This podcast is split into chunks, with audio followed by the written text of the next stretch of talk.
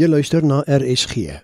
Die vroegoggendgedagte word vandag aangebied deur Dr. Thomas Dreyer van die Gereformeerde Kerk Randburg en ook Cross Culture Church. Goeiemôre op hierdie Saterdag môre. Ons het in hierdie week saam gedink oor Markus hoofstuk 7 vers 31 tot 36.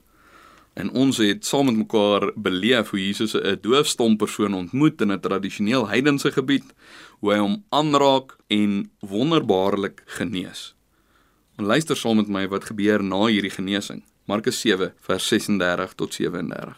Jesus het die mense belet om dit vir iemand anders te vertel.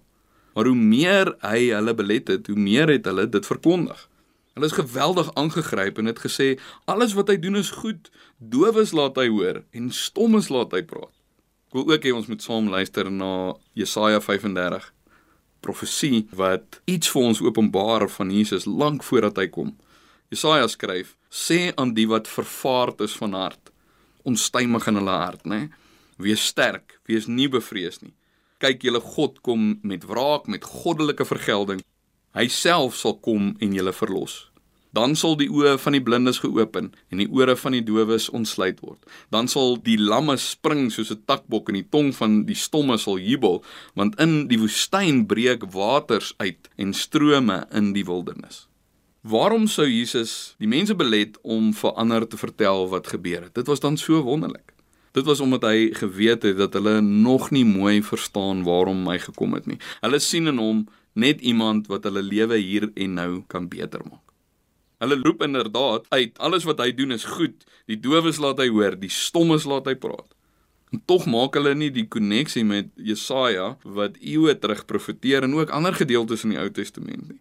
Maar ons wat terugkyk, kan die verbintenis raak sien.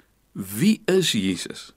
Hy laat blindes sien, dowes hoor, stomtonge jubel sodat ons hom kan erken as die enigste een wat my kan verlos die enigste een wat my kan red van my pogings om my eie lewe te laat uitwerk.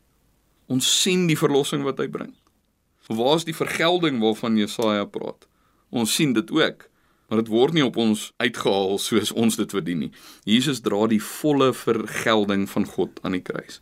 En ons wat dit verstaan, hoef nie meer stil te bly nie. Inteendeel, ons mag nie. Ons moet gaan vertel. Kom ons bid saam.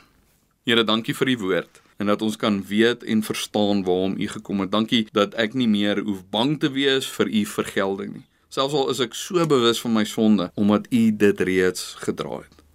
Geef vir my geleenthede om hiervan te vertel en uit verwondering vir u genade te leef soos wat u wil. Amen.